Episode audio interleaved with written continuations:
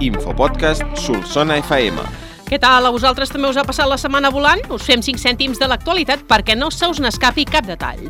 Segueix sense ploure i els municipis de la Vall de l'Hort ja n'estan patint les conseqüències més directes. Sant Llorenç, la Coma i Guixers estan en excepcionalitat per sequera i han de restringir el consum a 230 litres per persona i dia, activitats econòmiques i comercials incloses.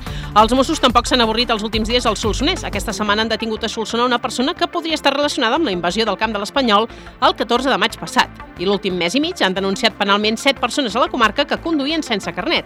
La gran majoria no se l'han tret mai i la resta anaven amb el carnet retirat.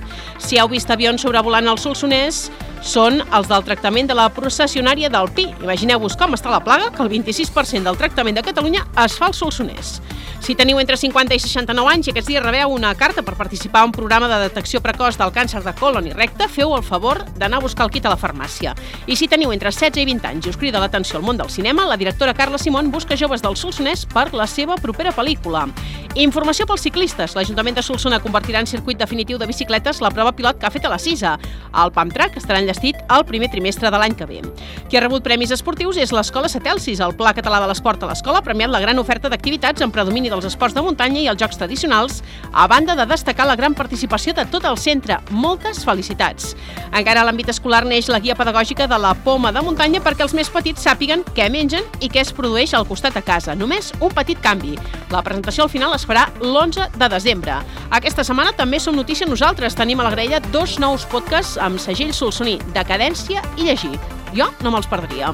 En esports demà a les 9 del matí ha la sortida de Movember Monza a Solsona i diumenge a la Coma amb BTT. Recordeu que diumenge a la Coma hi ha la Fira de la Neu i Muntanya durant tot el matí i a la tarda a la Sala Polivalent de Solsona presentació dels equips del Club Bàsquet Solsona. L'agenda cultural arriba carregadeta. Avui a la tarda podeu triar entre un taller de dansa urbana per moure l'escaleta a la plaça del Camp o, si sou més de tranquis, un taller d'escriptura creativa a la biblioteca de la mà de Deixant Empremta.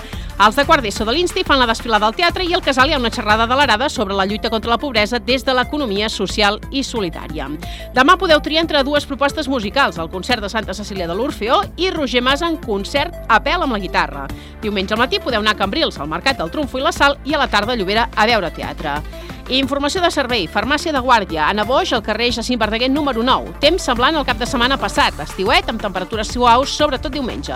La pluja ni està ni se l'espera, que diuen. Bon cap de setmana i fins divendres.